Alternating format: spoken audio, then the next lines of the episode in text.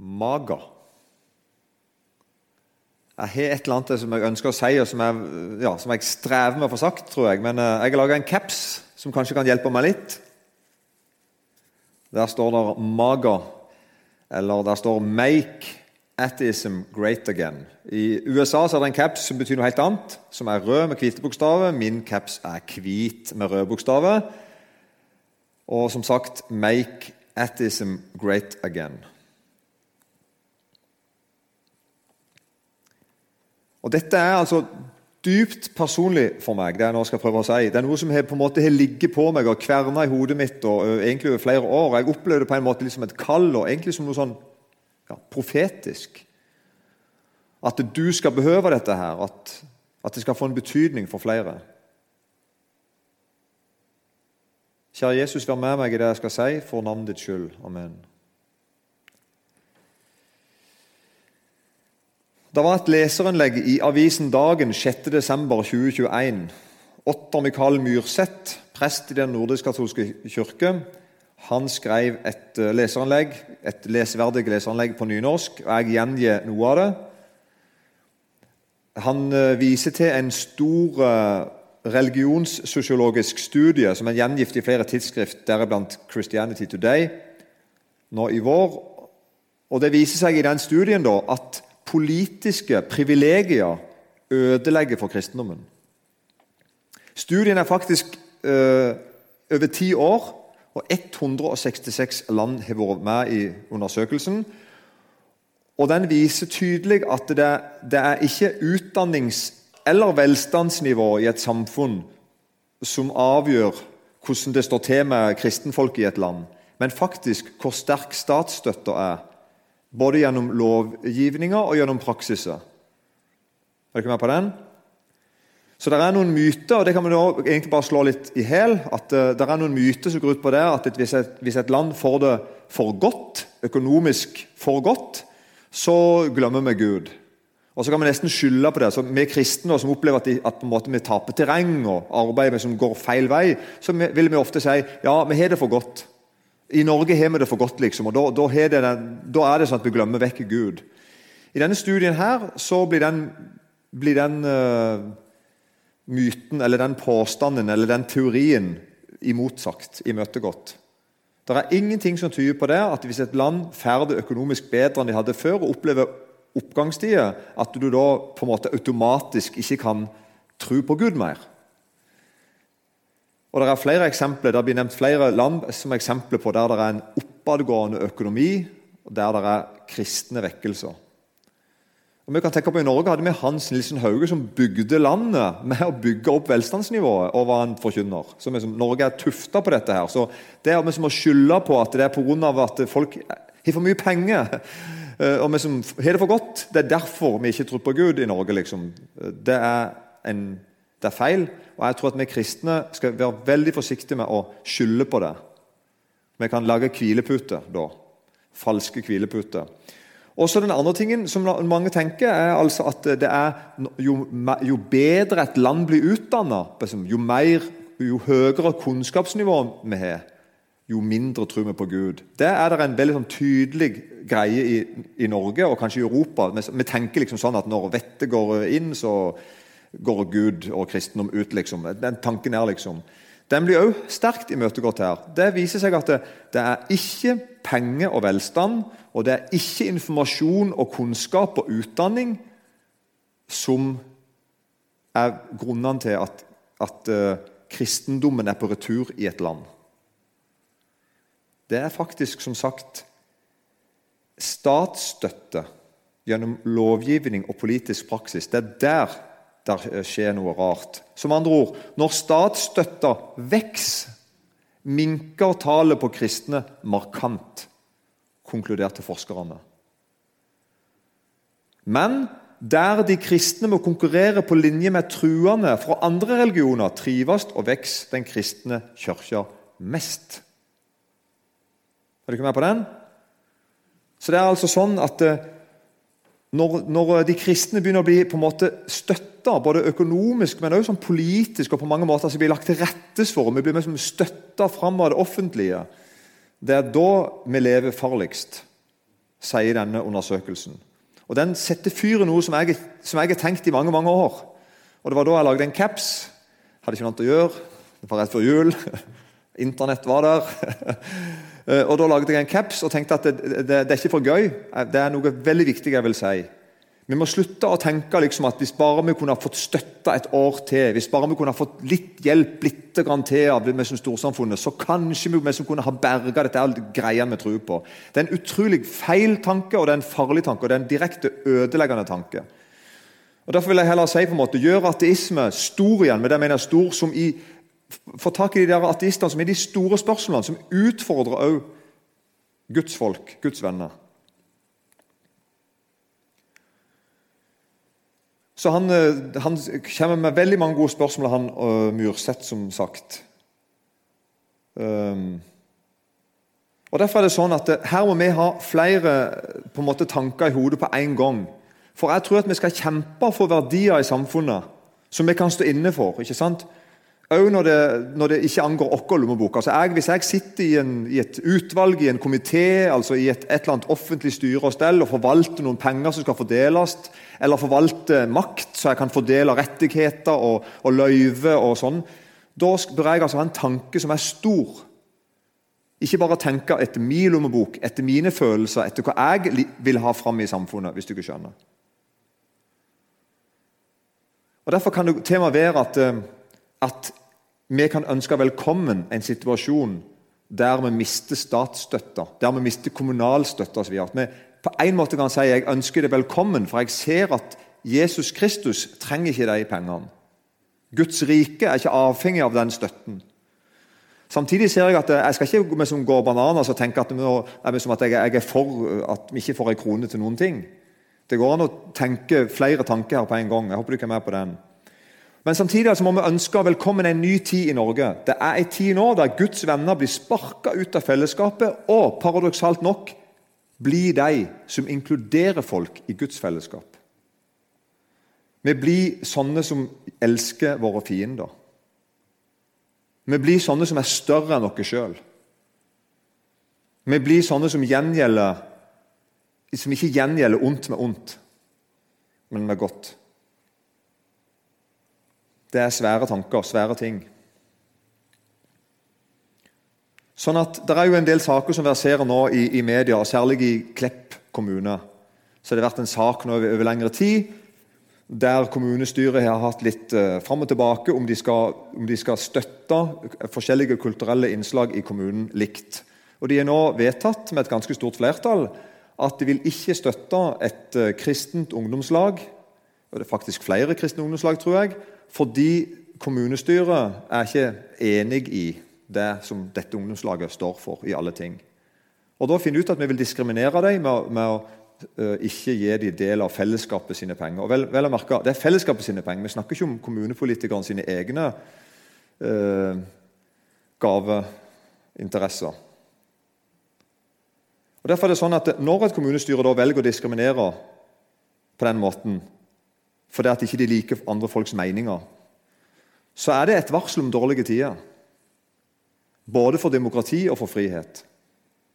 At representanter som er valgt av flertallet og av fellesskapet, som da sitter og forvalter fellesskapet sine penger, tar sine personlige motiv til grunn for hvorfor de gir penger til noe og ikke penger til noe annet. Men så er det jo en fristende tanke her. det er det at eh, Vi kan fort tenke sånn at hvis bare vi fikk makta, så skulle vi ha gjort det igjen. Da skulle vi bare gitt penger til de folkene som vi er enige i, og så skulle vi ikke gitt penger til de andre. og Så skulle de få kjent sin egen medisin. Her er det på en måte sånn en kamp, kjenner du ikke det? Og jeg sier at jeg dras mellom de to regiment. Hvis du ikke er med på uttrykket, Det er sånn et uttrykk som er brukt i teologien for å prøve å forklare noe eh, bibelsk. Hva er de to regiment for noe? Jo, det er på en måte der, er, der finnes to virkeligheter skulle jeg si, som, som, som, er på samtidig. Det er bare én virkelighet om. Det er på en måte to hovedgrupper å sette det i. Og Det ene på en måte er Guds rike. Det åndelige regiment. Der det, ikke, der det ikke er politikk og makt og militær og, og, og, og sånne ting. Det er det helt andre livslover som du finner i Guds rike. Og så er det på en måte det verdslige regimentet, altså, altså det politiske livet, det hverdagslivet, det menneskelige livet oss imellom. Paulus han sier i Romerbrevet 13 så sier han sånn, i Romerbrevet 13, Hver og en skal underordne seg de myndigheter han har over seg. For det er ikke øvrighet uten av Gud, men de, de som finnes, er innsatt av Gud. Så Tanken til Paulus er den at det, når en politisk makt og myndighet i en by eller i en kommune eller i et land selv om de så ikke tror på Gud, så er de fortsatt innsatt av Gud. Det er Gud som har gjort det sånn at det finnes styresmakter. Det er Gud som har på en måte ordna verden sånn at vi, har land med, med, grenser, med lover og regler osv., og, så videre, og folk som håndhever lover og regler. Og Det er på en måte det verslige regiment. Og Der har staten lov til å bruke makt, straff, trusler om straff, fengsle. Sant? Vi har rettssaler, rettssystem, vi har politi, og vi har, vi har lovgivende myndigheter. Eh, som skal bruke sin makt. Og der er det sånn at Hvis det er en, en uh, regel i et land om sånn eller sånn, så må vi følge den. og Hvis ikke så er det straffe for, så vet vi det på forhånd at bryter den loven, så, så venter det en straff.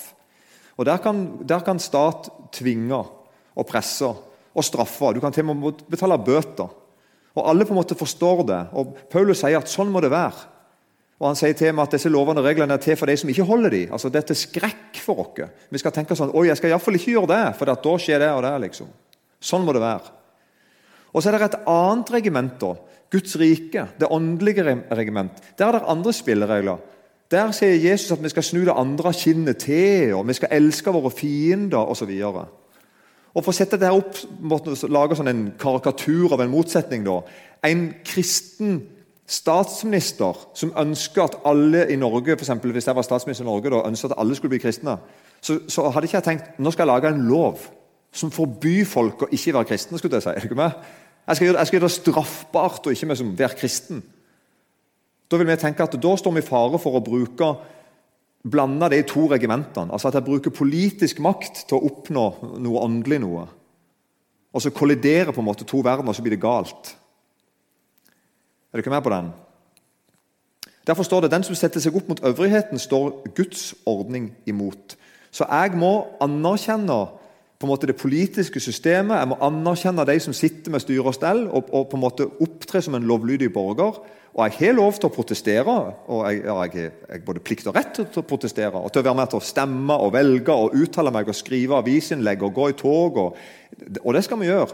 Men allikevel på en forholde meg til de spillereglene som er. Og Samtidig da, så er jeg jo borger av et annet rike som er helt annerledes. Som ikke er Ja, du kan skjønne. Det er to. Så her på en måte her Her, eh, her, her er vi som jeg alltid en kamp. Skal jeg, skal jeg uttale meg om de og de politiske sakene? Eller på en måte er ikke det min jobb som forkynner? Er det ikke meg? Står jeg i fare for å bli politisk, liksom? Eller blir jeg livsfjern hvis jeg aldri vil kommentere saker som òg er politiske?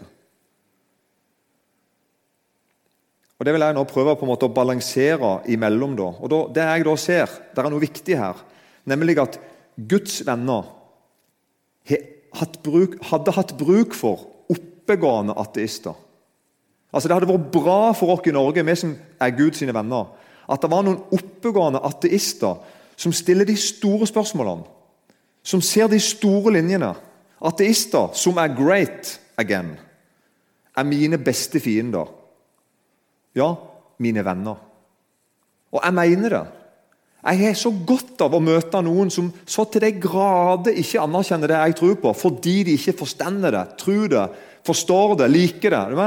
Og som stiller et helt direkte spørsmål til meg. Setter meg i spagat. skulle jeg si. Jeg behøver det. Og samtidig at det er noen som ikke sjøl går fri. Som sjøl er klar over at jeg òg må svare for det jeg tenker. Jeg har alltid sett opp til ateister, de store, som stilte spørsmål med alt, til og med med Gud. De hadde innsett hvor små vi mennesker er, og hvor store mange spørsmål er. Og som egentlig var ydmyke til meg når de stilte spørsmål til med Gud. For de lurte faktisk på noe. Og Jeg er, så, jeg er altså så til de grader i slekt med ateistene. Jeg er på mange måter det sjøl.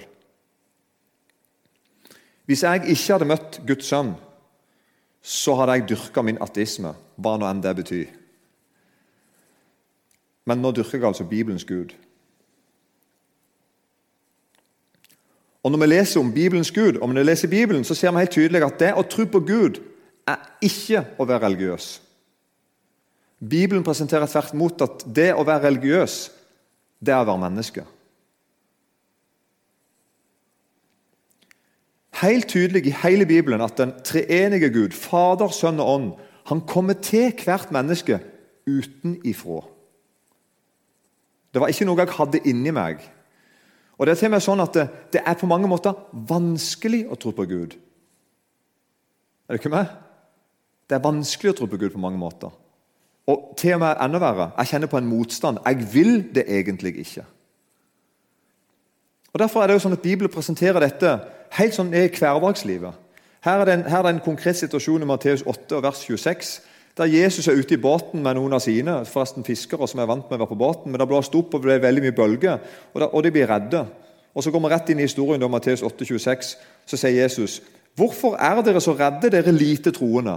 Det kaller altså Jesus sine egne disipler. Dere lite troende. Så reiste han seg og truet vindene og sjøen, og det ble blikkstille. Og Så kom det opplysning da, i vers etterpå, vers 27.